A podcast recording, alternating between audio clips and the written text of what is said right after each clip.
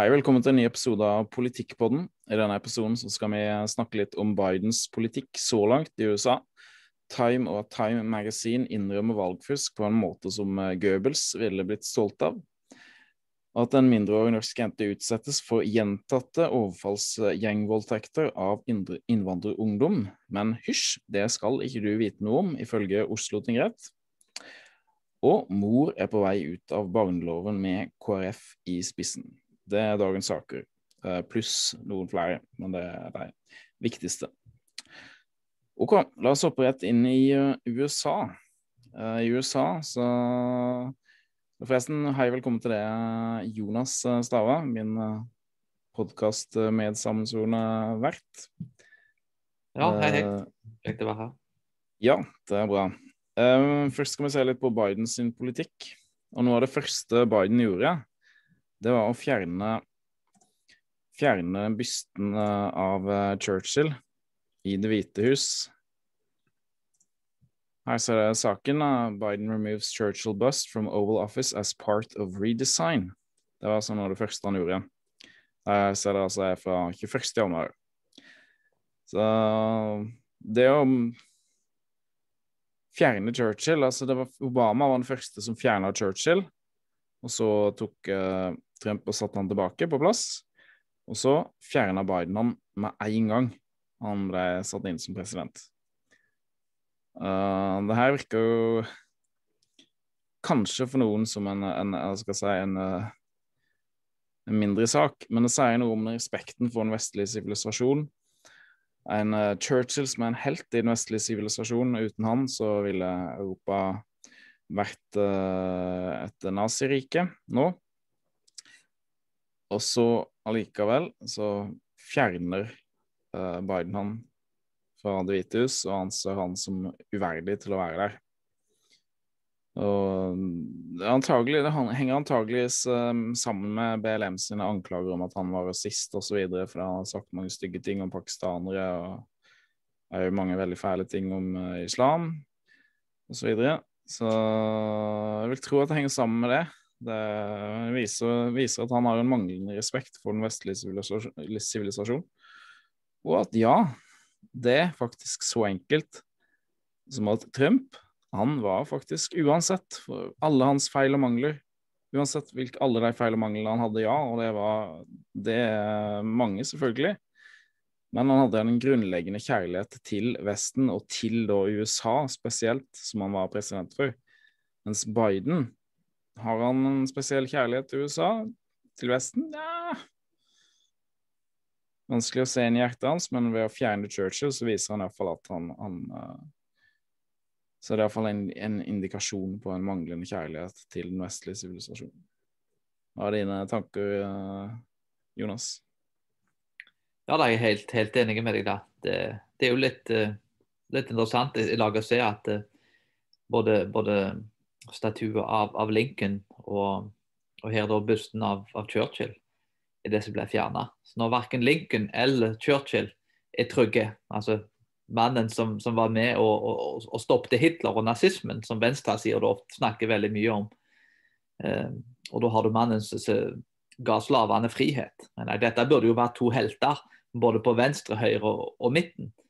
Men, eh, men, dette er folk lenger som ikke er trygge, men altså kan ikke få statuene sine til å stå i fred. Og, så det, det, viser jo virkelig at her er det rett og slett et, hat da, for den vestlige sivilisasjonen og alt han står for. Og som sagt, hvis, hvis Churchill må gå, og hvis Lincoln må gå, da, da er det ikke så mange som er trygge igjen. Da er det det samme som å si at alle er ferdige. Om en er enig med Churchill i alt eller, eller, man, eller, eller ikke, det har, det har, ikke noe å si. Churchill var en, en, en ekstremt dyktige og, og sentrale politikere. Så, så, vi bør i hvert fall det minste respektere det han gjorde og, og, det han så, og det bidraget han hadde. Altså Uavhengig av, av hvor en er på den politiske skalaen. Eh, så Det er et skremmende tegn synes jeg, som faktisk er et, et veldig sterkt symbol på at her er det, altså Den amerikanske venstresida i stor grad eh, hater Amerika. De hater Vesten. Liberale er glad i Vesten. Liberale er glad i ytringsfrihet. Og det liberale er glad i, i, i Lincoln og Churchill. Men, men, det er ikke det lenger det liberale som styrer på venstresida. Det er ytre venstre som har overtatt. Og det er en mye større trussel enn en hvite nasjonalister, som er, ikke kontrollerer utdannelsen, Hollywood og andre institusjoner, som, som er en temmelig ubetydelig minoritet i sammenligning. De er farlige, de jo, men, men de har ikke noe reell innflytelse. Ja, jeg er helt enig. Det er et veldig, veldig, veldig dårlig tegn at han fjerner Churchill. Det sier noe om hvem Biden er, og, og hva det demokratiske partiet er. Kanskje enda mer. Biden er bare Biden er ingenting. Biden er en tom dress. Han er absolutt ingenting. Du kan stikke fingeren i han inn, inn i Biden, og du vil bare fingeren din vil gå, gå rett igjennom. Det er null substans i han. Han er ingenting. Han er bare et uh, skal jeg si, et uh, kar. Et uh, kjøretøy for Det demokratiske partiet. Det anså han som den som hadde størst sjanse for å vinne, siden han har skinnet av å være moderat. Og Derfor så bestemte de seg for at de skulle legge alle egga i den, i den korva og kjøre han fram som presidentkandidat. Han har vært i politikken i 46 år, eller hva det er for noe. Og han har vært på hver eneste side på hver eneste sak, i hver eneste sak. Og han har null egne meninger, tror jeg. Så han er, han er ingenting. Men det sier noe om hvem, om hva det demokratiske partiet er. Og dessverre denne radikale delen av det, radikale sida av det demokratiske partiet som har tatt over partiet. Så ja. Yes, la oss uh, kjøre videre. Neste sak. Uh, her er det Biden. Uh, han creates commission to study Supreme Court reform. Jeg skal ikke dvele lenge med det her, men det var jo gjentatte ganger så ble Biden spurt om det i, i, valgkampen og presidentdebatten og sånn, om han hadde planer om å såkalt pack the court, og det er ni høyesterettsdommere, og om han hadde planer om å legge til enda flere dommere for å skape et, et flertall som ville stemme mer i favør med Dømme mer i favør med det Det demokratiske partiet står for, siden, siden Trump greide å få inn tre høyesterettsdommere til uh, Høyesterett i løpet av hans periode, og de sitter på livstid. Uh, han nekta å svare på det spørsmålet. Hver eneste gang nekta han å svare på det spørsmålet. Jeg ser det Noe av det første han har gjort uh, etter han ble innsatt som president, er å nedsette en kommisjon som skal studere mulighetene for eller om det er korrekt å, å, å reformere Høyesterett. Så må vi få se hva som skjer. Men det betyr jo faktisk at det kan være en mulighet for at de prøver å utvide Høyesterett med flere dommere. Uh, det er jo et snakk om å rullere på dommerne og sånn, og det er jo ganske, ganske et uh, illevarslende tegn. da, til at de, Det holder ikke at demokratene nå kontrollerer uh, den utøvende makt, altså presidentembetet, den lovgivende makt. De kontrollerer nå Senatet og Huset, Representantens hus. Det holder ikke det at de har kontroll på to av tre av de tre greinene til demokratier. De vil òg ha De vil òg ha da kontroll over den, den, dømmende makt i tillegg. Så dette er virkelig eh, makt, maktsyke av dimensjoner. Og her, hvis de gjør det her, så ødelegger de jo Høyesterett. Det vil jo selvfølgelig den neste republikaneren som inntar Det hvite hus, vil gjøre akkurat det samme. da så blir hele Høyesterett bare en vits. Så ja. Vet ikke om du vil si noe om det, Stava, eller om vi bare skal hoppe videre? Ja, kanskje jeg bare hopper videre på den. Det... Ja, da hopper vi videre. Det er den saken her. Vil du si litt om den, Jonas? Ja, det, det var jo den uh, Keystone Pipeline. Da blir jo Det ble vel et, et, en lang røyr, kan du si, da, som, som leverte gass, om jeg ikke husker helt feil. Um, som gikk fra Amerika da, til Canada. Og den ble jo da lagt ned da, av Biden. og jeg lurer på det var 11 000 arbeidsplasser som da ble avslutta som et resultat av det. Og statsministeren da i Canada, Trudeau, han eh, var ikke så veldig begeistra heller for at den ble lagt ned, med tanke på at det var enormt mye arbeidsplasser som forsvant.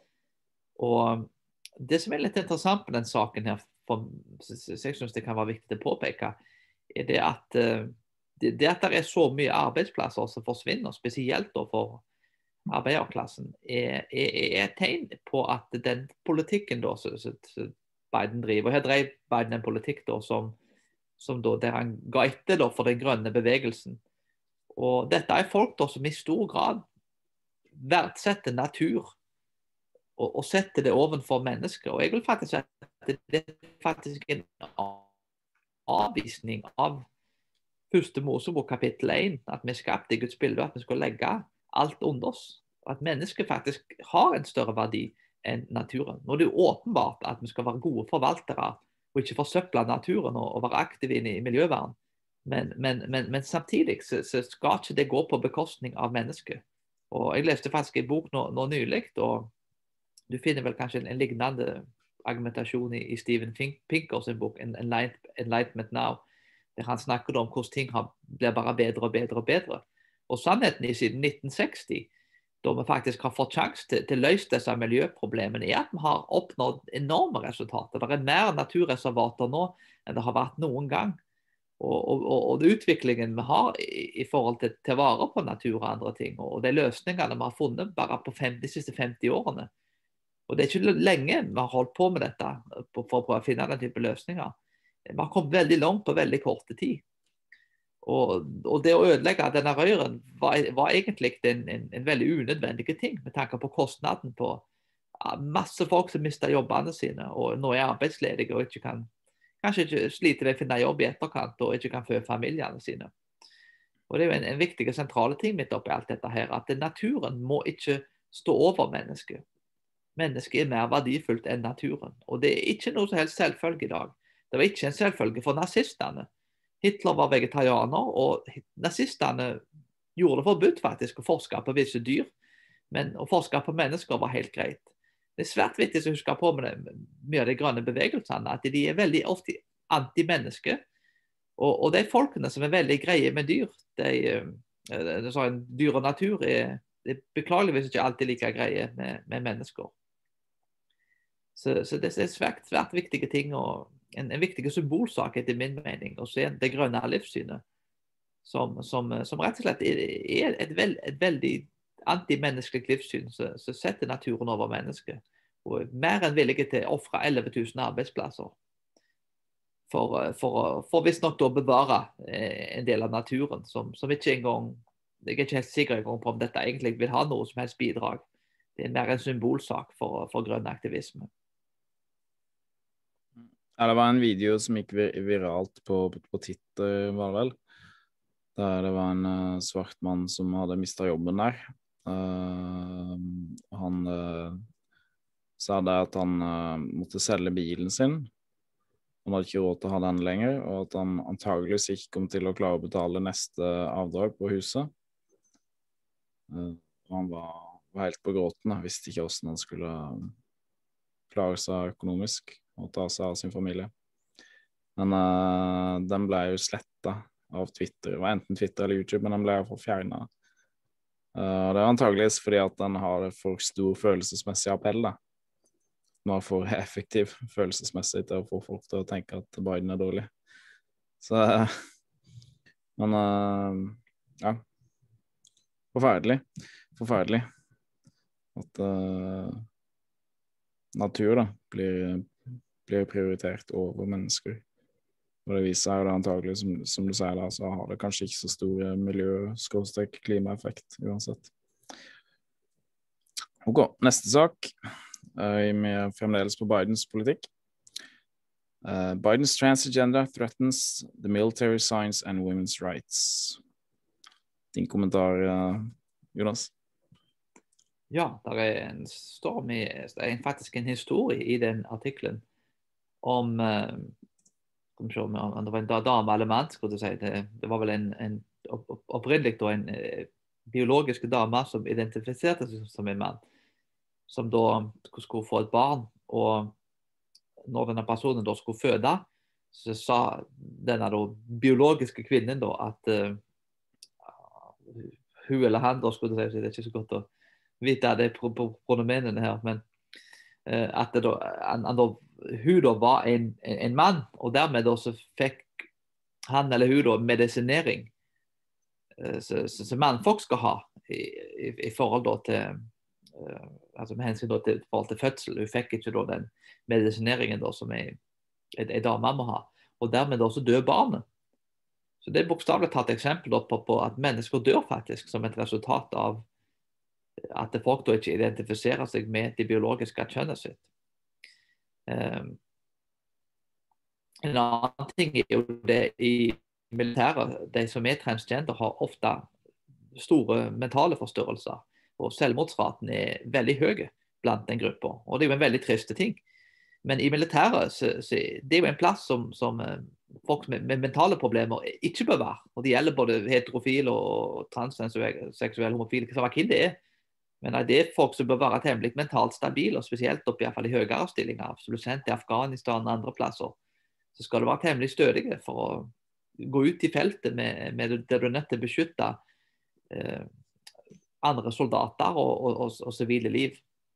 Så, så, det er jo en, eh, en veldig forunderlig ting mener jeg, at en da ble nærmest prest til, til, å ta inn folk som egentlig er temmelig utsatte grupper. En militær er en plass med mye stress og, og, og mye krav.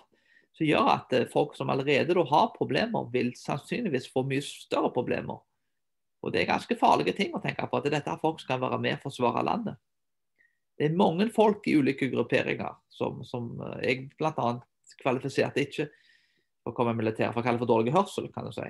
Det, og det, fikk en øyeinfeksjon da jeg var tre år gammel. Så igjen, og det, det er jo en, en, en, vurdering. En trenger folk i militæret med god hørsel. Så det påvirka jo meg på en, på, på en negativ måte i det tilfellet. Men, eh, men, igjen, militæret må ta inn folk som de mener faktisk kan gjøre en god jobb, som, som har da alle de fysiske tingene de trenger for for å klare å gjøre en god jobb. Og Utenom dette også, så ser vi jo da med, ja, med ja, bakgrunnen for det du sa kanskje i begynnelsen, bakgrunnen er jo da at, at Trump han uh, nedla et uh, forbud, uh, mer eller mindre. Jeg vet ikke helt uh, detaljene rundt det, men mer eller mindre et forbud mot trans, transer til å tjene militæret. Og så oppheva Biden det nesten umiddelbart etter at han ble president. Ikke sant? Ja, absolutt. Og det og, og, en annen ting med dette som det påvirker, er jo da kvinnesport. Og eh, det er jo litt spennende å se hva som kommer til å skje framover. Men det er mange eksempler nå som kommer ut. Du har Fallon Fox i, i, martial arts, og du har uh, i forhold til springing og løp og den type ting. Uh, sykling, Rachel McKinnon og, og, flere andre. Uh, eksempler der, der da biologiske mannfolk da, som identifiserer seg som kvinner, da, går det var altså biologiske mannfolk som går inn i kvinnesport og, og, og knuser damene. Og dette er folk da, mannfolk da, som gjorde det dårlig i, i, i sin gruppe. Og til tross for de var ikke blant de beste engang i sin egen gruppe i forhold til springing f.eks. eller løp, så, så, så, dominerer de kvinnesporten totalt. Og jeg kan nesten ikke tenke meg noe mer kvinneundertrykkende men at kvinnesport kvinnesport blir dominert faktisk av mannfolk. Og Dette skal visstnok være en, en, en, menneskerettighet og progressivt. At, at, at mannfolk da kan, kan, gå inn i en ring og, og pryle damer. Og, og, gå inn i sport og vinne alle medaljene. Så Kvinnesport er i ferd med å bli ødelagt hvis denne utviklingen her fortsetter videre. Ja, så er det Biden som er utsatt, Biden har utsatt en president. Eh, Biden har utsatt en presidentordre der han, har befalte, eller sagt at alle skoler og sånn, iallfall colleges og sånn, må, må la transer konkurrere i, hvilket, eh, altså i hvilken kjønnskategori de vil. da. Hvilken kategori de føler seg som. Så hvis du er mann, så kan du eh, konkurrere som dame, da, hvis du, hvis du vil det. Og at skolene må tillate det, ellers så risikerer de å ikke få føderal pengestøtte. Men det virker som, som at det, det, det for eksempelet som jeg er klar over, det, det er stort sett, stort sett eh, eh, biologiske mannfolk da, som går inn i kvinnesporten. Og Mannfolk har jo en enorme biologiske fordel. Muskelmasse, beintetthet.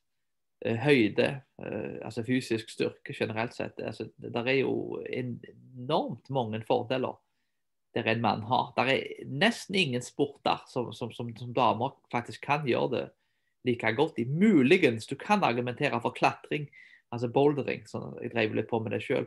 Der er faktisk damene ja, kanskje like gode som mannfolk. der, Det kan iallfall argumenteres for det. Kanskje ikke fullt like gode, men, men de har ofte veldig god teknikk og, og, og, lette, og det kompenserer da for, for fysisk styrke og andre ting. Men jeg kan ikke komme på noe annet sport, iallfall i farten. Ultraløp.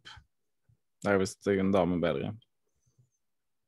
Ja, ultraløp, OK. Ja, der har du noe løper, så løper sånn vanvittig langt. Det er kanskje noen få sporter der, der damer kan Du løper Jeg husker ikke hvor lenge langt du løper, men du løper iallfall vanvittig langt. Ja. Der skal visst damer være bedre, da, har jeg hørt. Det er ikke helt sikker. Men, um, ja, det, det, det kan for det er mer fettmasse, for det tærer på fettet. Du løper i utallige timer. Da. Det er mye, mye lengre enn maraton. Så da tærer på fettet på kroppen, og sånn, og kvinner har høyere mer fett på kroppen generelt, så da har de en fordel. Så er de vel ofte, ofte lettere òg, men jeg går det med en fordel. Ja, men nesten i alt løpinga, da, inkludert maraton og alt, så er jo menn mye, mye bedre. Så ja. altså både på utholdenhet og på sprint og alt. Så det, det finnes noen, noen, noen, få sporter da, kan du si, der det mulig kan argumenteres for at det, at det, det kan, det er ikke nødvendigvis noen store fordeler med det, men men stort sett da, så er det jo en, en, en, en helt, helt enorme fordel.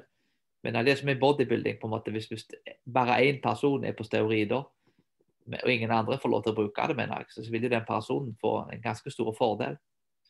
Nå bruker jo alle bodybuildere steroider, så det er ikke noen fordel med, hvis noen har.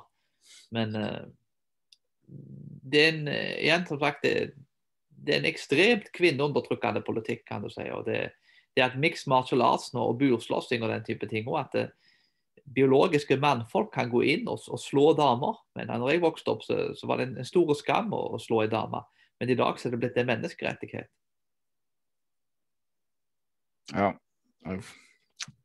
Ja jeg la oss opp videre til uh, Time Magazine.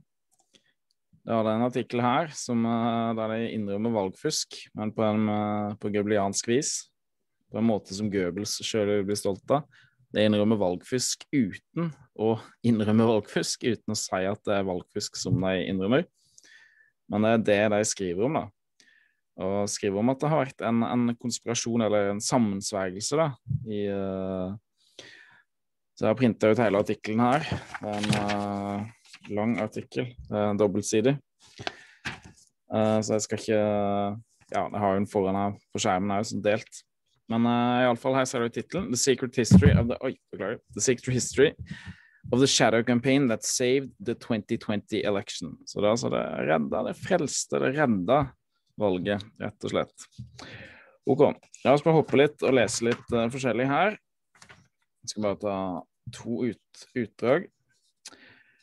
Jeg snakker det her uh, om, uh, om, det var en konspirasjon eller ikke. da, så skriver In a way, Trump was right.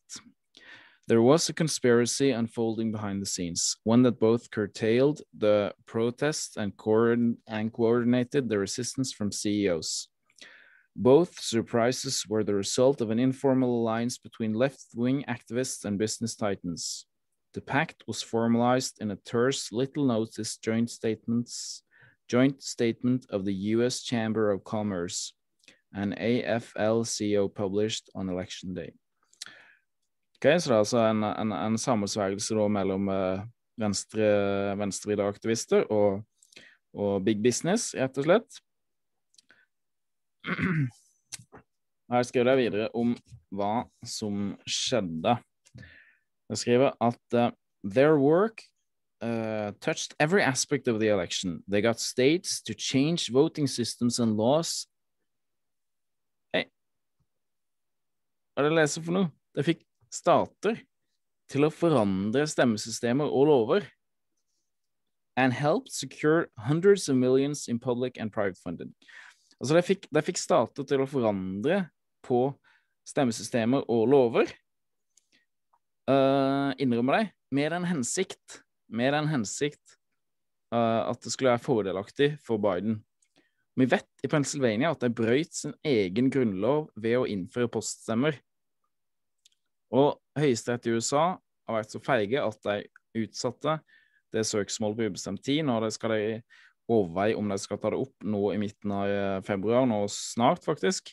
Så vi får se om de tar det opp. Jeg håper de tar det opp. De skal faktisk det pluss to andre søksmål som de skal overveie å ta opp, blant annet et, uh, det der til Sydney Powell i Michigan, faktisk.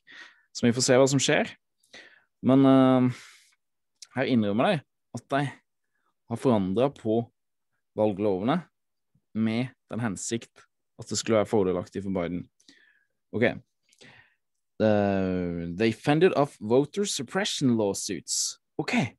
Så her skriver de at de greide å forhindre og slå tilbake uh, det de kaller voter suppression lawsuits, altså stemmeundertrykkende søksmål. Med andre ord, de forhindra det som jeg vil kalle stemmeintegritetssøksmål. Så de, var, de jobba aktivt med å ikke med å jobbe aktivt for at, at, um, for at uh, rettssystemet, domstolene, ikke skulle ta opp saker som omhandla valgfusk. Det innrømmer det her i artikkelen. De jobber aktivt for å forhindre det. OK, videre. Recruited armies of poll workers and got millions of people to vote by mail for the first time. Fikk mange folk til å stemme via post for første gang. Blant annet folk som da var født i 1890 og kanskje 1850 og rundt der i tillegg. Jeg vet at det er mange døde som har stemt i det valget her. Det er et faktum. Det er et faktum. Nevada og Nevada og mange andre steder så var det faktisk ganske mye mye bevismateriale på at det skjedde. Om det, var, altså, om det har påvirka valgresultatet, det vet vi ikke, for at det er veldig få søksmål som ble tatt opp av domstolene overhodet. De bare avviste, avviste de fleste søksmål på, på prosedyremessig grunnlag. okay, they successfully pressured social media companies to take a harder line against disinformation. Ok, så de innrømmer her at de la press på sosiale medier for at de skulle ta en hard linje mot det de kaller disinformation. Så det innrømmer her at all den sensuren som vi har sett helt absurd mye sensur på sosiale medier etter, rett etter valget, det var helt absurd hele tida. Jeg sjøl den, den Facebook-sida til Politikkbåten har blitt sensurert to eller tre ganger. Da det kom opp som advarsel under det vi delte, om at det her var feilinformasjon. Og her så jeg innrømmer det, at jeg hadde jeg la press på sosiale medier for at jeg skulle sensurere, rett og slett. da. Men jeg kaller jo ikke det, da, at jeg kaller det at jeg skulle forhindre disinformation. Det er selvfølgelig at jeg skal sensurere påstander om valgfusk, sånn at ikke det skal spre seg i befolkningen og forme denne forme folkemeninga. And use data-driven strategies to fight viral smurs. Så jeg brukte Ok, det her, her er bare kode, kodespråk igjen for at de forhindrer viktige saker fra å komme fram i media. Use data-driven strategies to fight uh, viral smears. For eksempel Hunter Biden-saken, om alt det drittet som kom opp om han. Der de forhindra aktivt til og med denne NI Post, uh, New York Post, uh, opprinnelige artikkelen de hadde om han, om hans sine lugubre bånd til Kina, om hans sine ja, lugubre bånd til Ukraina og, og, jobben på det Burisma-selskapet der han fikk 50 000 dollar i måneden uten at han kan noen ting om for å sitte i styret til et selskap som heter Burisma i Ukraina, uten å få noen penger, nei, uten å kunne noe om olje og gass osv. Uh, eh, alt det her, det her ble da undertrykt De kaller det da uh, data-driven strategies to fight viral smears. Okay. Uh, they executed national public awareness campaigns that helped Americans understand how the vote count would unfold over days or weeks, preventing Trump's conspiracy theories and false claims of victory from getting more traction. Så jeg innrømmer sjøl at Det er alltid i USA så pleier det å få valgresultater. Altså, I alle valg så er det jo sånn at en får valgresultater raskt etter valget. Jeg innrømmer det, altså at jeg, jeg forberedte befolkningen da på at det skulle ta ekstra lang tid denne gangen. Og måtte fikk de manipulerte deg til å akseptere det. Hvorfor stoppa tellinga i Georgia, i North Carolina, i Pennsylvania, eh, i Michigan stoppa den vel, Wisconsin stoppa den, osv. Hvorfor gjorde den det? Det har aldri skjedd før. Ja, det var pga. poststemmene, OK. Pga. poststemmene, hvorfor det? Jeg har aldri fått noen god forklaring på det.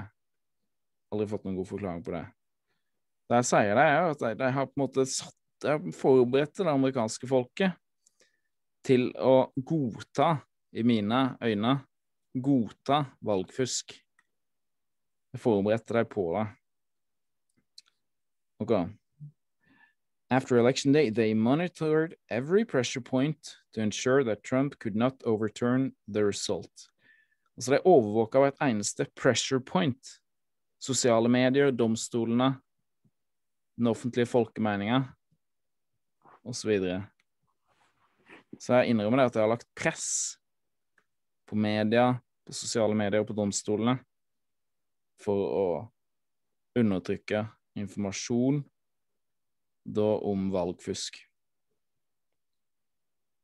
The untold story of the election is, uh, is the thousands of people of both parties who accomplished the triumph of American democracy at its very foundation, says Norm Eisen, a prominent lawyer and former Obama administration official who recruited Republicans and Democrats to the board of the Voter, Prote Voter Protection Program.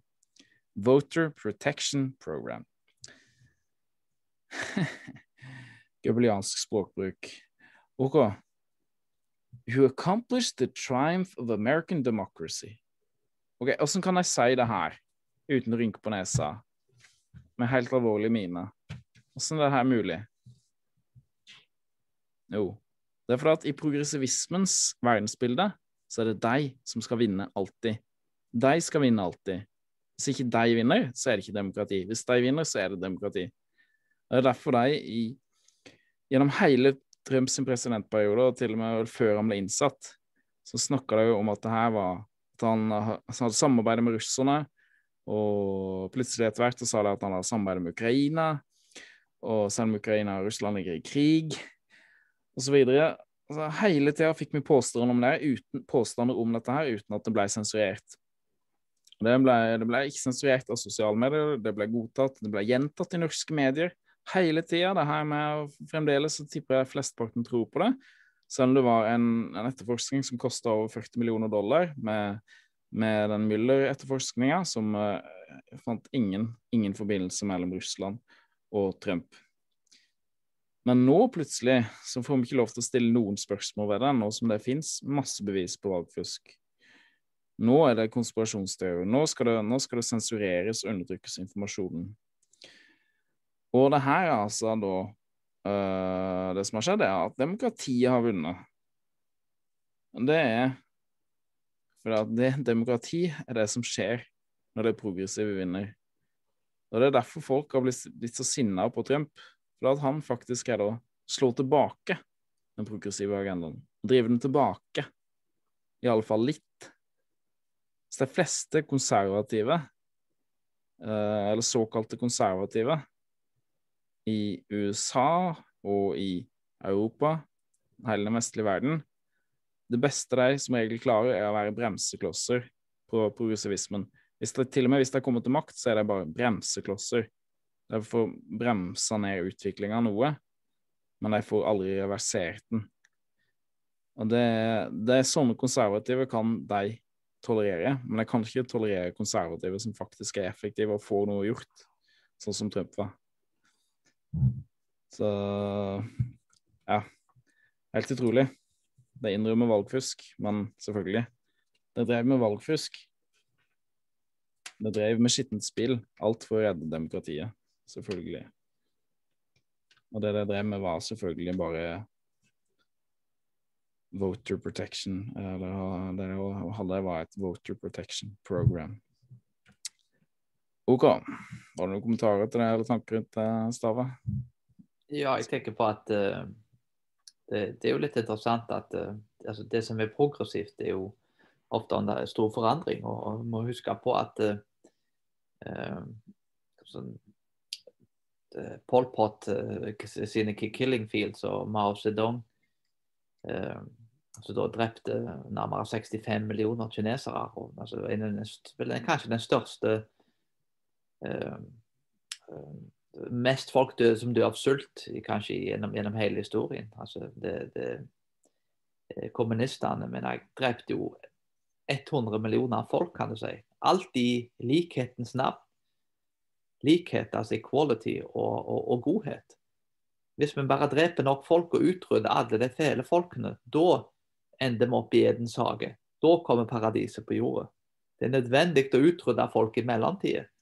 Og disse folkene som er bremseklosser, de er med å stoppe utviklingen. Men hvem kan være imot altså progress, eh, utvikling? Den som er imot det, mener jeg er onde, og den må utryddes. Problemet med dette her er jo nettopp det at eh, det er mange problemer med det. Men det problemet er det at eh, en ender opp med å bli den ondskapen en sjøl prøver å bli kvitt. Det er jo dette budskapet vi ser i Batman. Batman kan ikke trosse sin egen moralske kode, for da blir han som jokeren.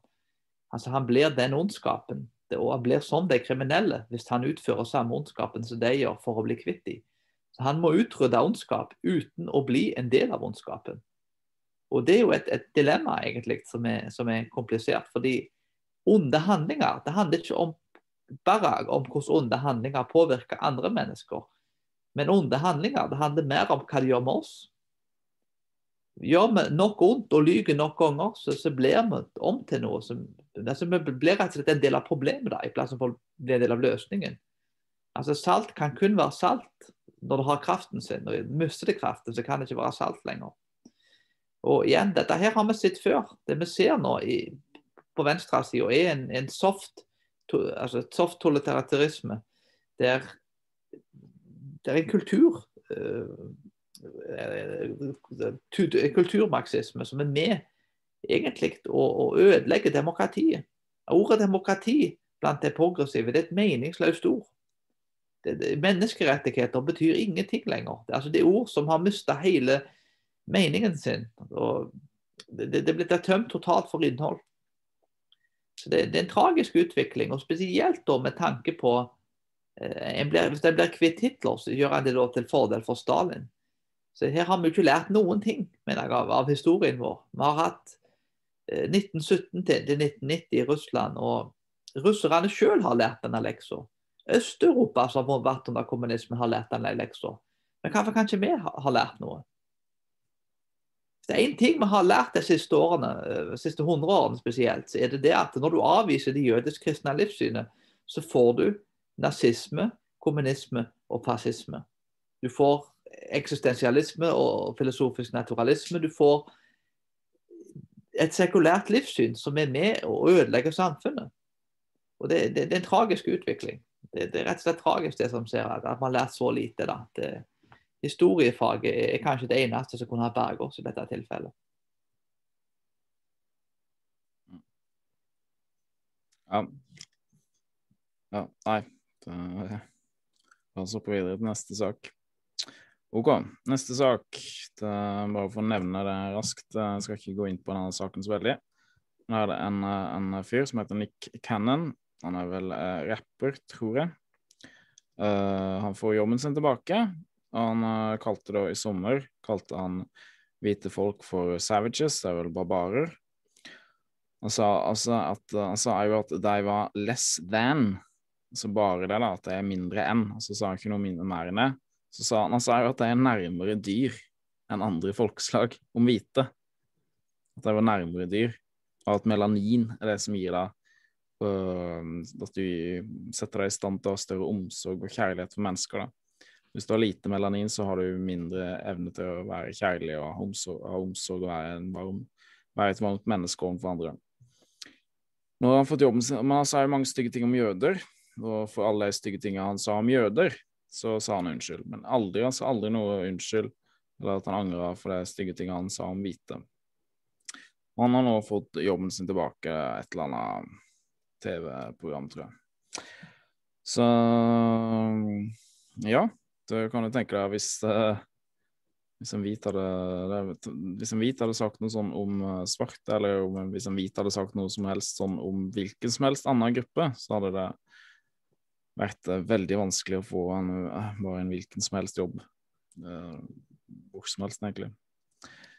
Så det her viser Altså, det her Det som skjer nå i Vesten, er at det, det vi kommer til å få erfare mer og mer, er at rase er det som er noe av det Eller kanskje det viktigste i det interseksjonelle hierarkiet. Da altså Interseksjonalitet handler jo om det at du deler folk opp i ulike offergrupper. Hvis du er kvinne, så er du et offer. Hvis du er eh, ja, hvis du er en etnisk minoritet, så er du et offer. Hvis du er homofil, så er du et offer. Hvis du er transe, så er du et offer. Så hvis du skal få mest mulig autoritet i samfunnet, så må du du, så må du, måtte, må du eh, ta deg ta, påta deg flest mulig av de offerkategoriene. Så hvis du er en uh, svart, lesbisk uh, transedame, så er du kanskje det største offeret som finnes. Um, men det som har skjedd i det interseksjonelle hierarkiet, er at kjønn er ikke så viktig lenger. Det er jo viktig, men rase har blitt veldig, veldig viktig. Det henger nok sammen med det at uh, de som fremmer denne interseksjonaliteten, har funnet ut at rase, eller etnisitet, er det som er mest effektivt for å splitte opp samfunn. Det er ikke så lett å splitte opp samfunn ved å sette kjønnene opp mot, opp mot hverandre, fordi at folk er tiltrukket og liker som regel det, det motsatte kjønn. Så da er det veldig vanskelig å lage sånn et generelt fiendskap mellom dem. Men mellom etniske grupper så viser jo historien og og ut fra erfaring som jeg har fått nå etter hvert, at det er lett å sette dem opp mot hverandre og skape et voldsomt hat. Så jeg tenkte vi kan bruke det som en Segway til neste sak, som er en forferdelig sak. Det er altså en, eh, en eh, mindreårig norsk jente.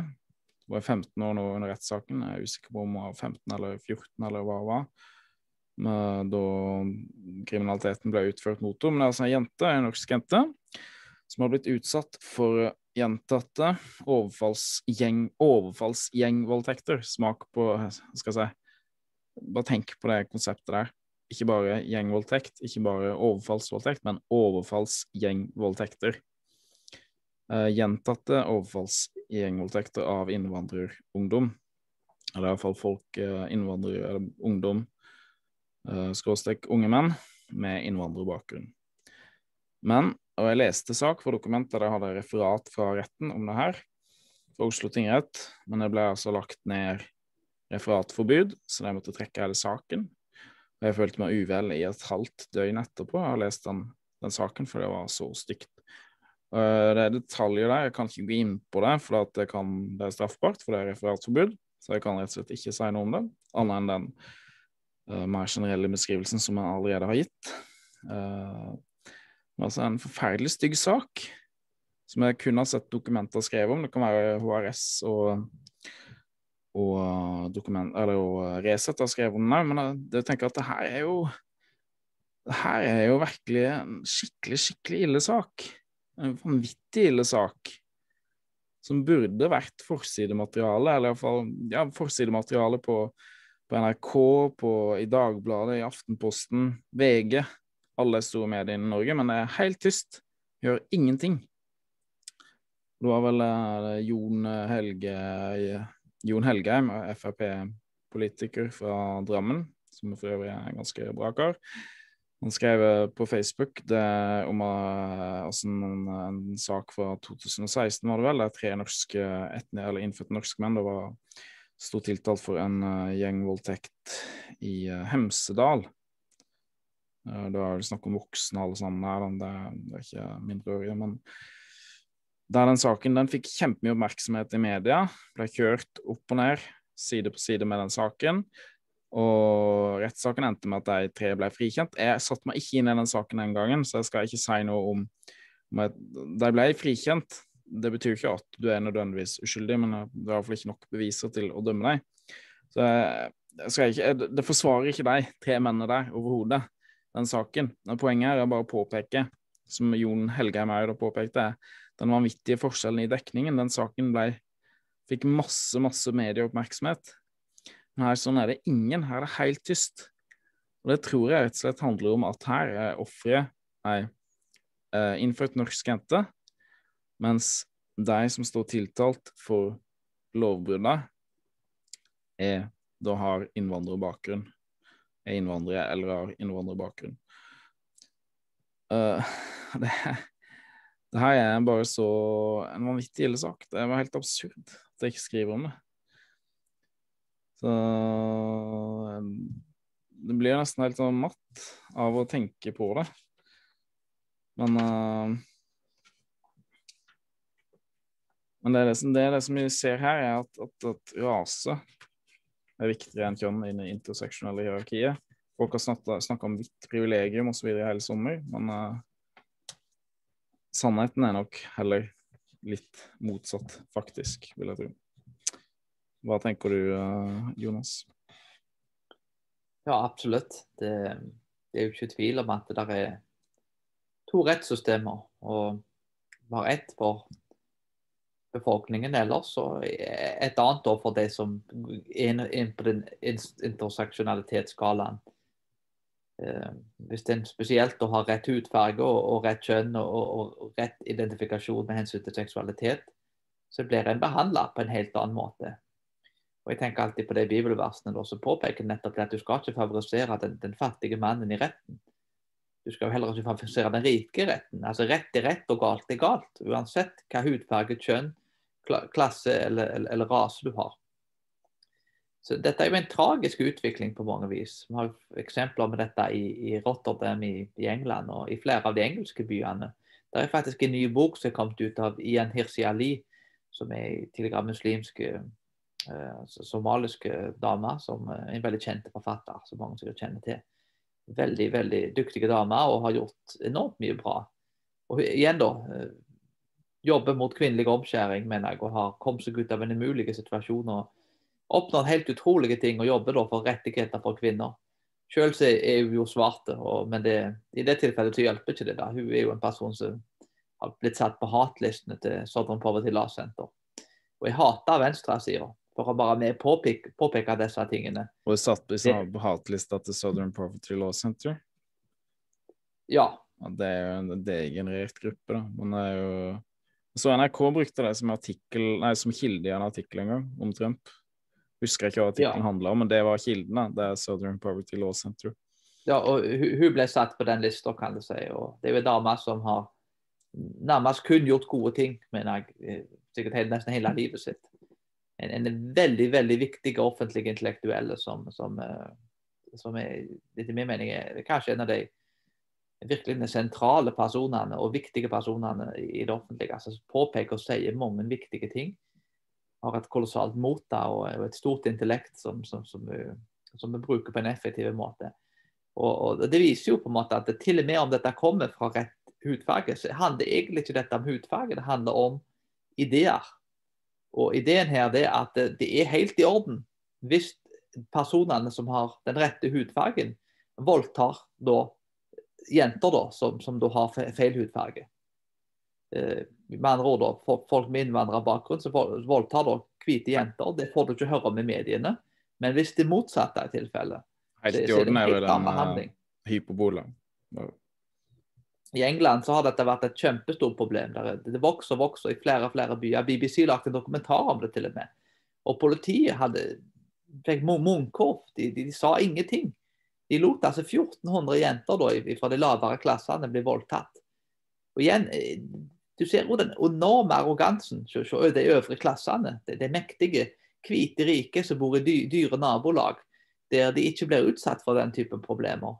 De sitter og håner og, og, og latterliggjør folk.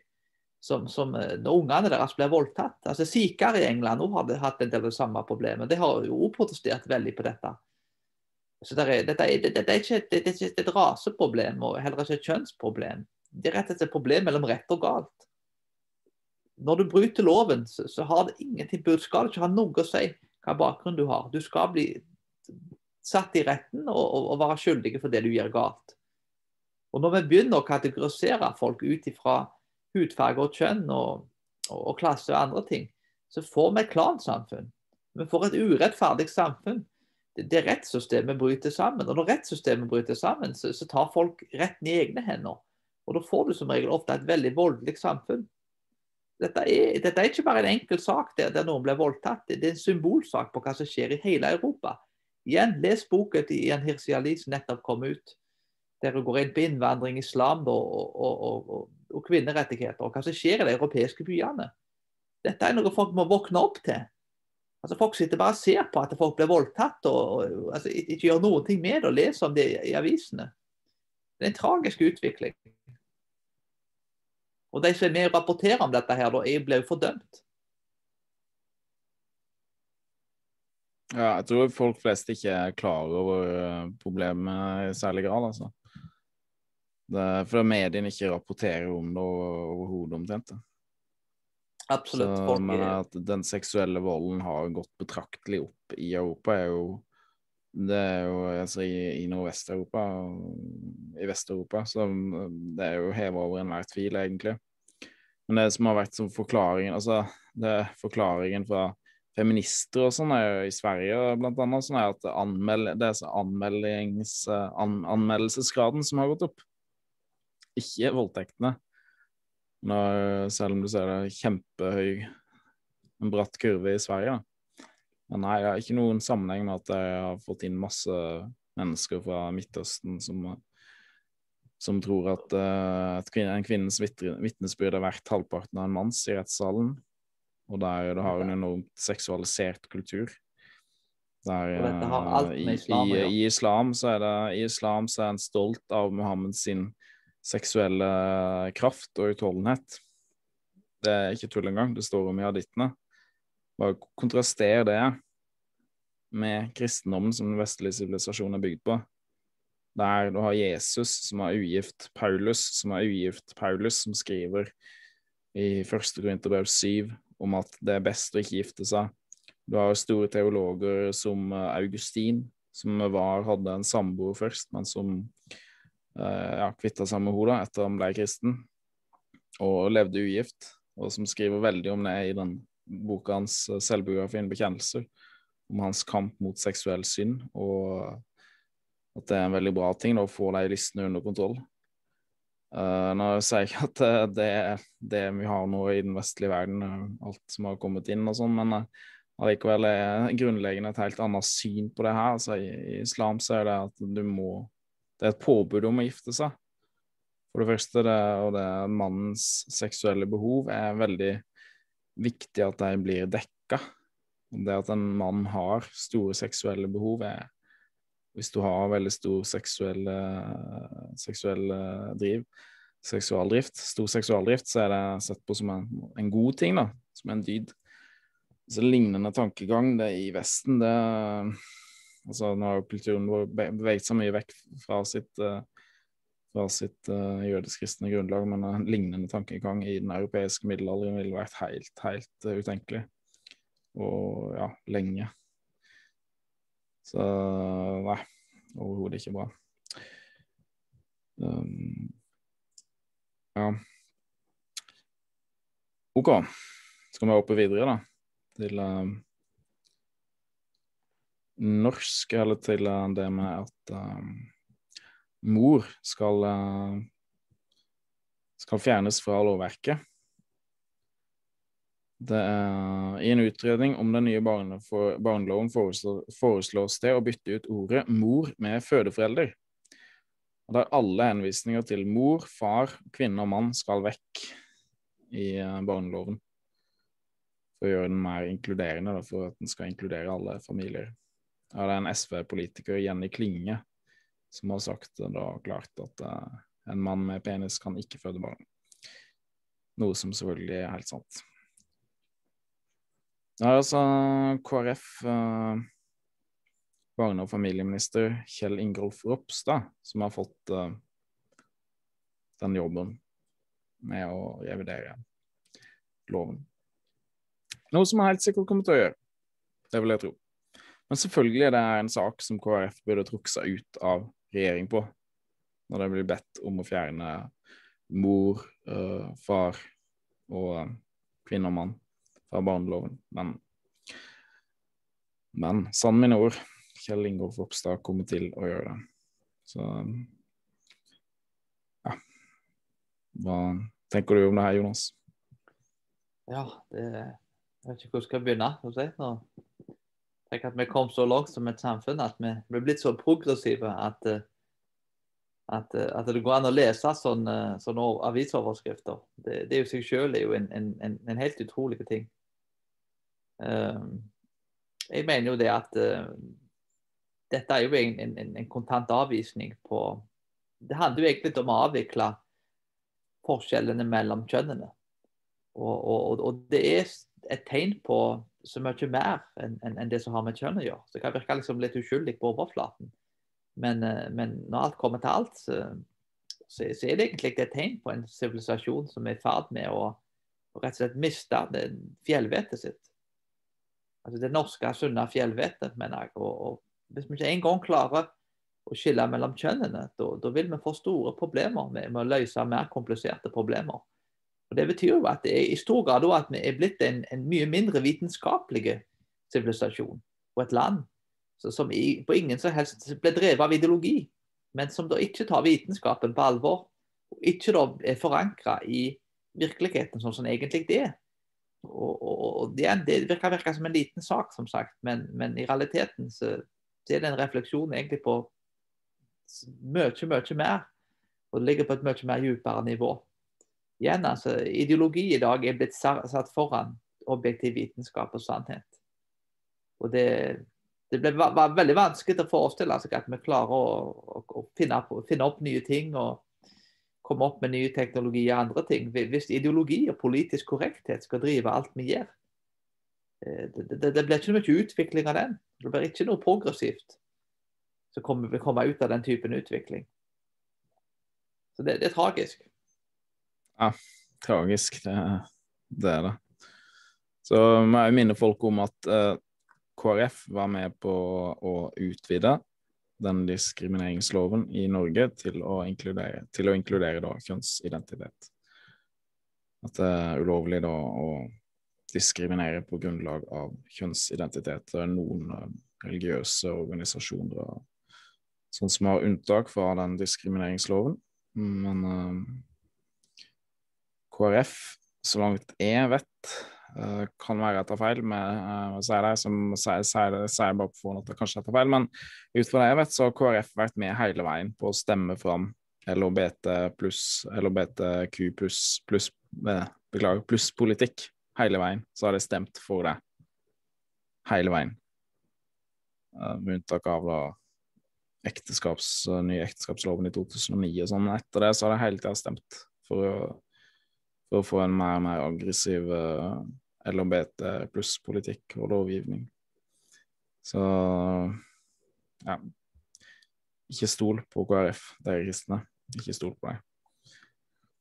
OK, la oss hoppe videre til uh, Ja, er neste overskrift kaller vi bare 'Kristne utsettes for stadig økende press i Norge'. Da skal vi ta og se på noen saker her. Bare, denne, jeg skal ikke gå veldig langt inn på den. Men den er illustrerende da, om hvordan folk kanskje tenker om kristne i dag. Det er altså en Klepp-politiker som uh, mener barn blir radikalisert på bedehuset. Og så er det at bedehusfolket er som Putin. så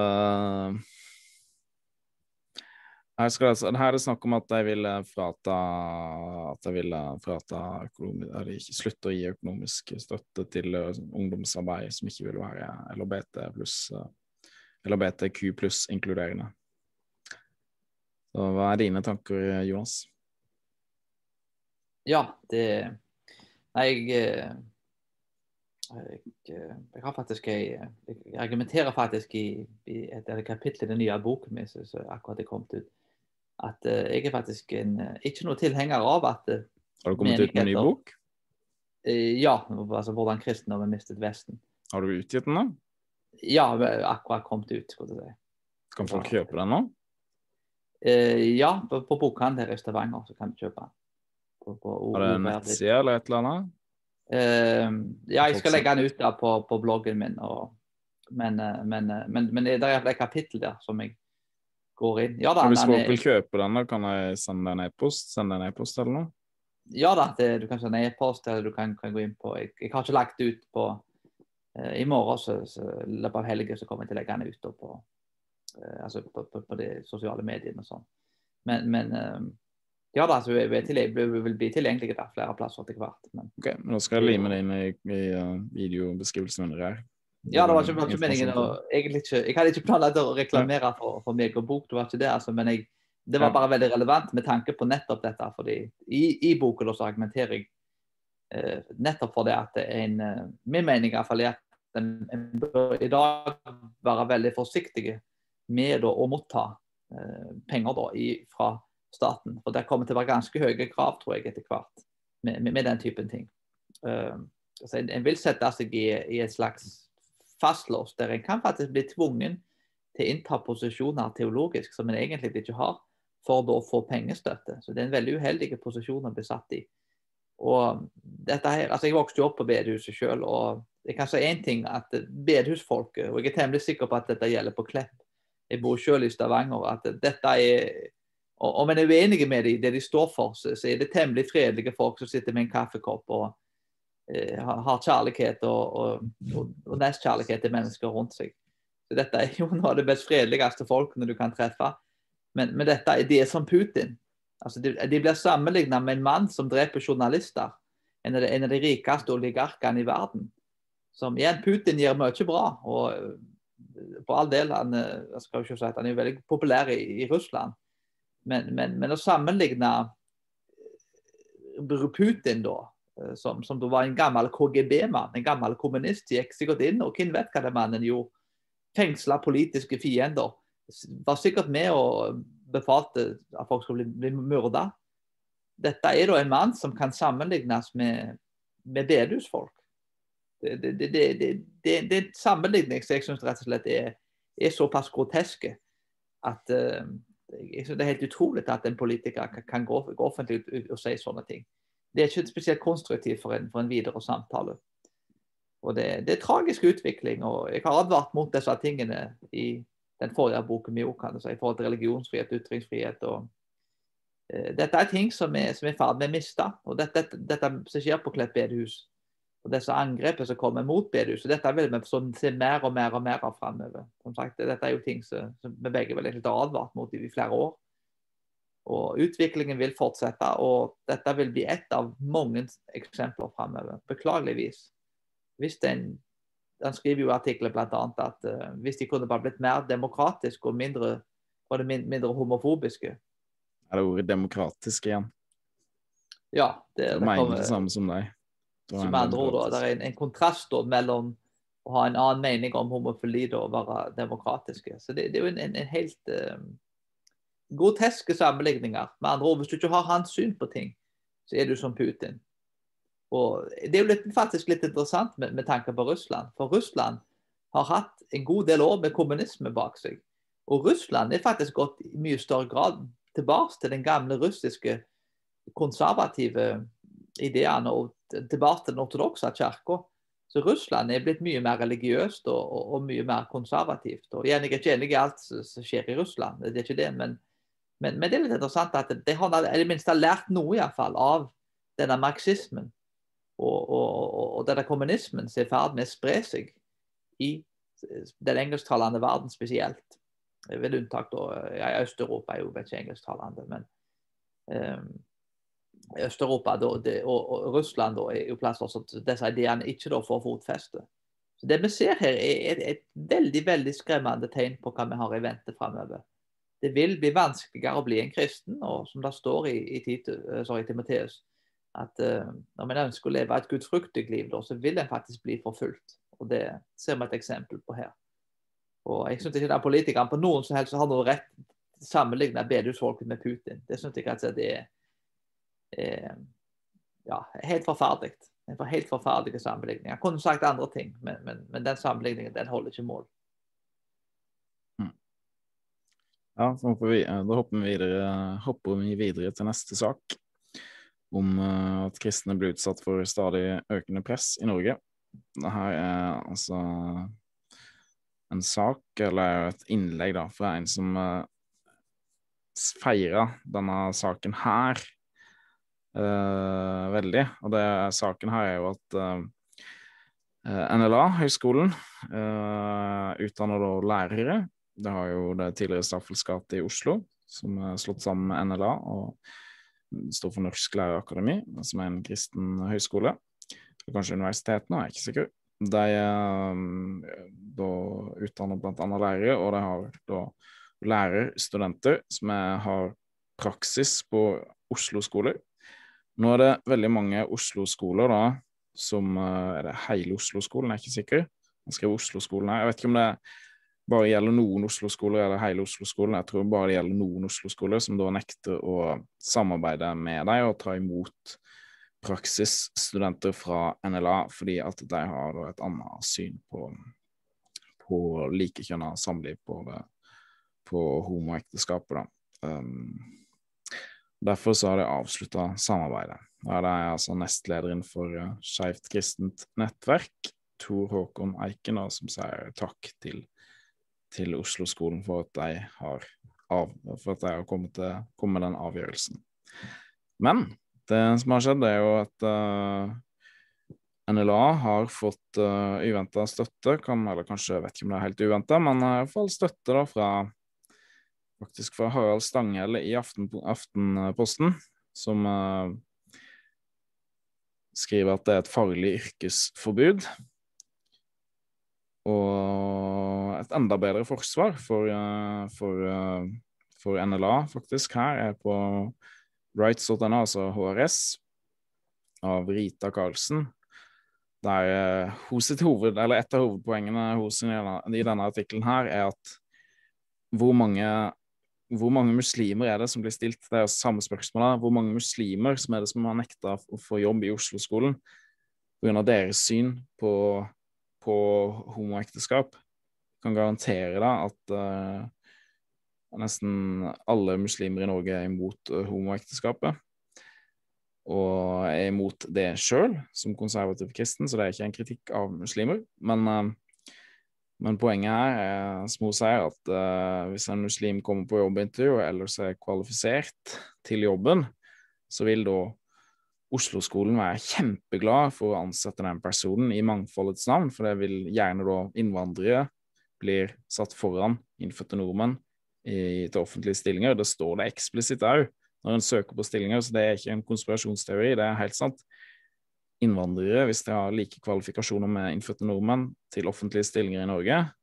De, i hvert fall nesten alle offentlige stillinger i Norge blir prioritert, prioritert over innfødte nordmenn.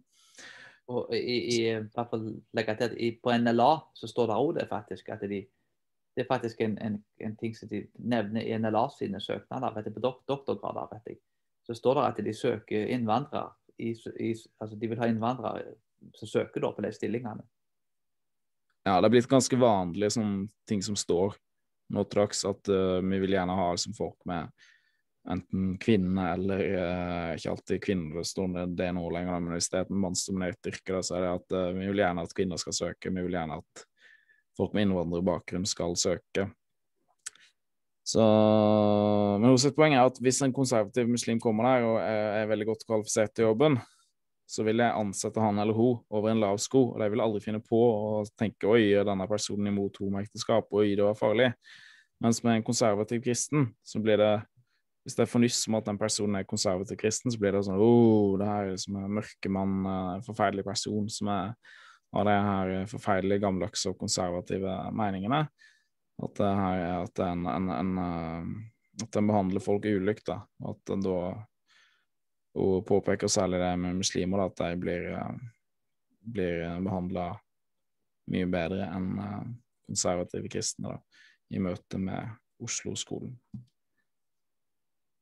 Har du noen kommentarer til det, eller skal vi bare hoppe videre til siste sak? da? Jeg, en korte kommentar, kanskje. Det, det, det, det er jo det med, med, med rettssystemet igjen. Vi ser, vi, vi ser her at det er to rettssystemer. Ett for undertrykte minoriteter og ett for de andre. Og, og, og, Det er en utvikling som, som er temmelig skremmende. Det, er en utvikling som, som vil undergrave rett og galt, mener jeg. Og, og det vil faktisk føre til et mer voldelig samfunn på sikt. Så, retten må være like for alle. da. Og, og, folk er i plassen for å hjelpe folk da, som, som, som kommer fra en annen kultur. fordi at de, Kanskje de har den mer voldelig kultur, eller, eller hva enn det. Det kan være lavere klasser, det kan være hvite, det kan være andre hudfarger, eller hvem enn det. Altså, folk må eie altså, sin egen kultur, de må ta ansvar og, og reise seg opp, mener jeg. og, og produsere en, en, bedre kultur. Og Hvis de ikke gjør det, så kan, de ikke, fikse, kanskje problemene bli fiksa. Altså Hvite, rike folk mener jeg, som bor i Oslo, kan ikke hjelpe folk. Altså, de, de, må starte i sitt eget samfunn, i sin egen familie, og ta ansvar for sitt liv. Og, og, og begynne derfra. Og rett og slett eie ansvaret. Og Hvis de gjør det, så, så, så kan de få en kolossalt positiv utvikling, uansett hva hudfargen er. Om jeg sagt at man er fattig, hvit eller en annen hudfarge. Og, denne måten å hjelpe alle undertrykte minoriteter på, er faktisk med å ende opp å gjøre det motsatte. Med å sanksjonere umoral. Og det, det, det, vil ikke bli bra for noen. Vi må alle leve i samfunnet som blir påvirket av denne rettsforståelsen. Og, og, det vil ikke bli bra for verken minoriteter eller, eller majoriteter. Ja, jeg er enig. enig. OK, siste sak.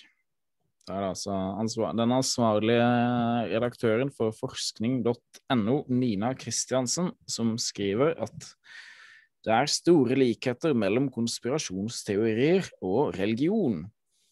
Og så tar hun fram det her med, med det som skjedde 6.1, med stormingen av, av Capitol Hill i eh, USA. Uh, da skylder på at uh, ja, konspirasjonsteorier da er en form for religion. Da. At uh, ja, rett og slett vi som er kristne, vi er sånn som de som tror på QAnon i USA. Du har lest denne artikkelen litt mer inngående med Jonas. Hva Kan du gi en oppsummering av artikkelen og kommentar til den? det er jo det at det er en, en kobling da, mellom religion og, og, og, konspirasjonsteorier. Og en indikerer jo da, kanskje litt indirekte, at uh, religiøse folk det er ei gruppe. Det finnes jo åpenbart ikke forskjell på de ulike religionene. Altså Alle religioner er like. Det, det, det er den typiske sekulære ting som alltid blir repetert. Og En annen ting er det at uh, irrasjonalitet og religion det, det går hånd i hånd. Og det er mange ting som vi kan se om dette. og Jeg vil faktisk si først at uh, jeg, jeg selv, det er ikke for å reklamere for boken min igjen, men, men, jeg tar faktisk opp eh, jeg, jeg, tar, jeg, har, jeg, har, to ulike kapitler i boken som faktisk adresserer disse tingene. Og Jeg mener jo det at eh, jeg har ofte faktisk kritisert kristne for evangeliske kristne spesifikt da, for da ikke faktisk å ta intellektet nok på alvor. Så, så jeg kan være delvis enig i noe av den kritikken. Den kritikken som hun skriver om, om han der Kwanon, han der som gikk inn i Det hvite hus, mener jeg. Dette var vel mer en, en nyreligiøs, mener jeg, eh, naturdyrker. eller han, Han var ikke, var ikke en, verken en jøde eller en kristen. Så, så igjen, vi må, vi må, det første vi må gjøre, er å skille mellom religionene.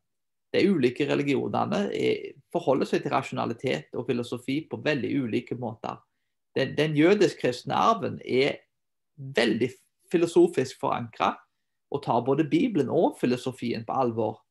Altså, det, dette er ting du, du, du finner helt fra Bibelen ut gjennom hele kirkehistorien. Uh, så, så, så, kristne tenkere har tatt filosofien og fornuften veldig på alvor. Det er visse grupperinger i dag som, som beklageligvis ikke gjør det. Men, men blant bl.a. f.eks. lutheranere, anglikanere og, og, og presbyterianere, reformerte, eh, episkopilians i, i, Amerika, så, så er det en sterk intellektuell tradisjon. Der både Bibelen og fornuften blir, blir, tatt på alvor. Jeg vil faktisk argumentere at det er det sekulære livssynet som, som faktisk, når folk blir mindre religiøse, at de faktisk Ifølge Rodney Starks, den kjente sosiolog i Amerika, skriver i en bok da, 'How Religion Benefits Everyone' sier han at det er en mindre sjanse for at religiøse tror på de okkulte, paranormale og andre fenomener som Bigfoot, ufoer, Atlantis, spøkelser, astrologi og hjemsøkte hus. Og Det er litt interessant, for i, i, når en da spesielt er forankra i det jødisk-kristne arven og det som står i Bibelen, og, og tar det på alvor, så, så, så vil jeg jo faktisk si akkurat det samme. at en, en, en igjen, altså Det er ikke vi som sier at uh, ei dame kan avlive barnet som bor i, i magen hans. Det er ikke vi som sier at uh, en mann kan, kan føde. Uh, det er ikke vi som sier at uh, skiller grupperinger mellom rase, klasse og kjønn. Uh, alle disse uhyre woke, irrasjonelle tingene som ble gjentatt av, av, av, sekulære folk. Det er svært få bibeltro kristne som går jevnlig til kirka som sier disse tingene her. Det er sekulær irrasjonaliteten vi ser og observerer i dagens samfunn, kommer ikke fra religiøse. De kommer fra sekulære folk. Vi lever i en tid der Discovery Channel, som var et vitenskapsprogram, handler mer om spøkelser og åndemaninger. og, og rett og slett, Der en leter etter ufoer og Bigfoot. Vi har et svært populært program, jeg vet ikke om det er så populært nå, men Åndenes makt. Som, som egentlig er mer en, en, en, ny religiøsitet og, og et okkult program. Eh, så, som det er et program som i stor grad er veldig til strid med eh, et bibelsk budskap, der en da ikke har lov til å oppsøke de tingene. En kjent journalist i England, Melanie Phillips, skriver en bok da, som uh, heter The Wall Turn Upside Down. Veldig, veldig bra bok der hun går inn på dette. Hun er faktisk en, en, en sekulær forfatter. Uh, og Hun sier at sannheter blir avvist og erstatta av personlige meninger, og at mye av den offentlige virkeligheten er avveket fra den reelle virkeligheten. Og rasjonalitet og logikk er kastet bort fordi objektivitet er erstatta med ideologi. Og Philip da argumenterer bl.a. for at uh, avvisningen av et jødisk-kristne prinsipper har bidratt til at vi har fått en mer bisarr og irrasjonell atferd. Og spesielt elitene, de som er godt utdanna. Det er jo de som er mest woke av alle. Og dette er kanskje noen av de mest irrasjonelle folkene du finner i dag. Og du finner mest av dem på universitetene. Jeg bodde selv midt i en universitetsby i Amerika i tre år. Og besøkte Princeton University andre plasser. Og de dummeste tingene som jeg har hørt sagt, har vært av folk med doktorgrad og som hadde høy utdannelse. Så, så hvis du ser på utviklingen i dag, så, så, konspirasjonsteorier, så kan en faktisk kanskje begynne med universitetene. Men jeg, disse folkene som skal visstnok skal være vise og kloke, men jeg er faktisk de dummeste folkene som lever. Altså de, altså, mest irrasjonelle. De er intelligente og kunnskapsrike, men, men de har ikke visdom. Det ble litt, litt, langt svar der på litt lang avhandling på et kort spørsmål, men Nei, nei, nei, det er helt sant. Det er de som har mest utdannelse, som er dummeste. Helt enig. Så ikke at det, det er ikke lav IQ, men det tror på de villeste tinga. Det er ikke høyere eh, utdannelse, det er høyere indoktrinering. Ja, det er jo det det har blitt. Høyere indoktrinering. Det er jo det det har blitt, dessverre. Så nei, ikke imot, jeg er ikke imot utdannelse, og det er sikkert ikke du heller. altså eh, Klassisk utdannelse å kunne være god i historie, språk, filosofi, teologi eh, skal jeg si, Ubrukelige eh, disipliner. Da. Det liker jeg veldig, veldig godt. Så, men uh, så jeg absolutt ikke imot det. Det såkalte frie kunster, som det har blitt kalt fra antikken.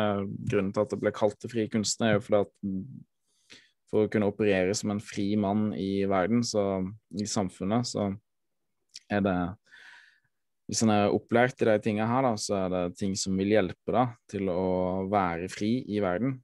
Til å legge bånd på dine lyster og innskytelser og kunne leve som en fri mann uten å være en slave av uh, enhver uh, lyst og ny uh, vind som kommer. Så helt Det syns jeg egentlig den type ubrukelig utdannelse er veldig, veldig fint. Veldig bra. Men dessverre så har alle de humanistiske faga blitt mer eller mindre overtatt av kulturradikalere som har ødelagt de faga fullstendig. Selvfølgelig ikke på enhver skole på ethvert sted, men sånn, uh, i det store og hele så har de fagene blitt ødelagt. Det er veldig, veldig synd, og jeg tror ikke løsningen er at uh, konservative og kristne bør trekke seg ut fra høyere utdannelse. Det mener jeg ikke, men vi må gjøre som kulturradikalene har gjort med oss, Og det, det, de har gjort, er at det har sneket seg inn, og det har infiltrert alt, og til slutt da hula ut og uh, fått hele det utdanningssystemet til å råtne, og røyka ut de konservative. Vi må gjøre akkurat det samme som deg. Vi må snike oss inn, vi må overta posisjoner, vi må Og etter hvert som vi får mer makt innen utdanningssystemet, er jo da begynne å røyke ut de virkelig Vi skal jo selvfølgelig ha frihet til å ha, ta debatt og sånn òg, men, men, men, altså, det her er Jeg vet ikke om jeg skal si vi skal røyke ut, men vi må i hvert fall det er kanskje feil, vi bør kanskje ikke være så autoritære, men uh, vi må iallfall komme oss inn igjen i høyere utdannelse og overta posisjoner innen høyere utdannelse og overta systemet igjen. Og vi kan ikke forlate uh, utdannelse helt. Utdannelse er en bra ting, tenker jeg. da. Selv de ubrukelige, såkalt ubrukelige disiplinene. Og bare, bare for å legge til dere at en god utdannelse lærer jo som sagt, Begge vi to er jo en store tilhengere av utdannelse, som, som, du nevnte. Så er vi eh, veldig glad i utdannelse, sikkert godt over snittet. Så det er ikke det at vi er imot utdannelse. Men, men utdannelse, iallfall spesielt i de, de, humanitære fagene, det handler vel i stor grad om å lære altså, hvordan folk skal tenke, og ikke hva de skal tenke. Du går inn, du, du, blir, du utforsker alle mulige, mulige, ulike syn. Så jeg vil jo at alle syn skal bli undervist. Men da kan altså studentene, iallfall i høy, fall på mastergradnivå og, og delvis bachelor, at en faktisk kommer til konklusjonene på egen hånd. At en ikke blir fortalt hva som er rett. Men en utforsker alle synene, kanskje skriver essayoppgaver, der en sjøl drar konklusjonene som en mener er rett. Og, og, Det er det som er problemet. En lærer hva en skal tenke, og ikke hvordan en skal tenke.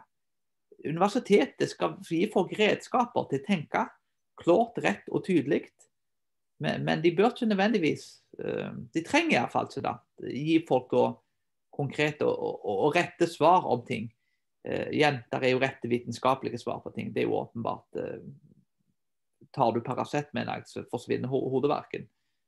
Men, men, når det kommer til hva er rett politikk, så er ikke det altså det, det er en pseudovitenskap. Uh, det er mange svar, det er mange vinklinger.